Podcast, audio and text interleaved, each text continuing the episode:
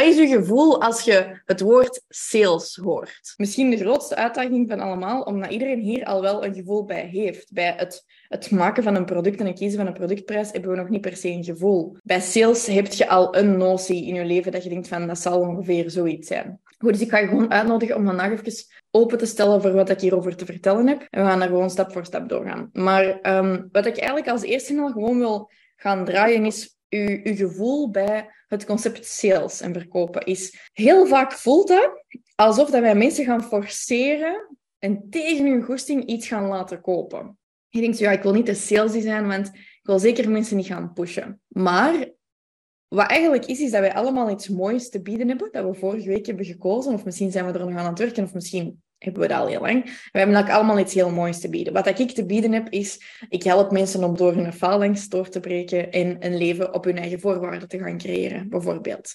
En dat is wat ik doe. Dat is mijn grote missie. Is dat mensen meer gaan inzetten op zichzelf. En dat uitzicht op een zakelijk vlak bij mij.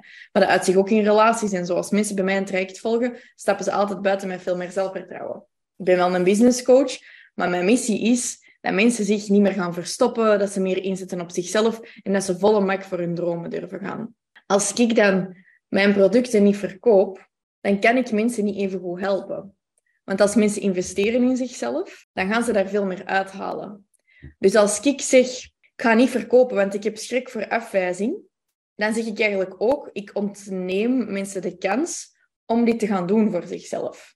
Dus zo heb ik twee jaar geleden tijdens een hele zware break-up had ik een lancering. Dus een lancering is, laten we zeggen, zoals als je ik open mijn winkel of, of uh, het autos, autosalon is eigenlijk ook een beetje een lancering. Hè. Dat is de maand januari. Dat is een lancering. Uh, de Barbie-film, dat was ook een lancering. Maar een lancering kan ook zijn dat ik bijvoorbeeld mijn business coaching traject, de Business Freedom Elevator, verkoop. Ik zat toen in een lancering en ik dacht, ik was zo verdrietig en ik had het zo moeilijk, ik was zo moe. En ik dacht toen van, ik stop er gewoon mee. Als ik nu gewoon al eens deze week stop en ik doe niet nog een week door, zou ik dan niet gewoon, en zou ik er niet gewoon mee stoppen? Want ik, ik had geen fit meer.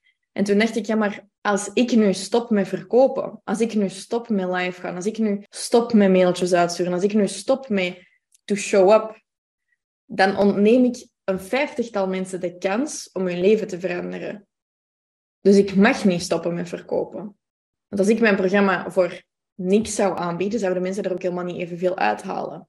Dus als jij niet verkoopt, dan ontneemt je mensen de kans om hun leven te veranderen of hun leven mooier te maken. Maar het probleem is dat you make it all about you.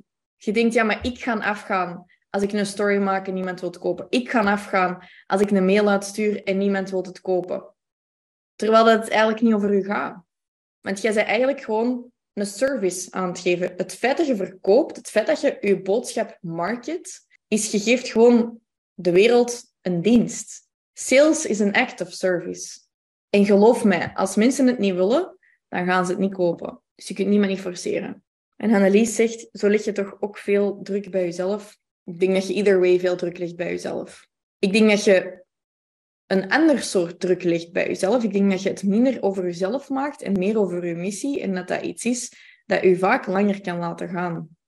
Of meer energie kan geven. Dus sales is een act of service. Dat is eigenlijk de grootste switch dat je al moet gaan maken. Laat alles los wat je weet van dat dat sleazy is of verkopen. En denk gewoon, als ik niet verkoop, dan kan ik eigenlijk ook niks niet gaan veranderen of teweegbrengen bij andere mensen. Want het is pas als mensen echt intekenen op iets en ook effectief betalen voor iets, dat zij ook committed zijn.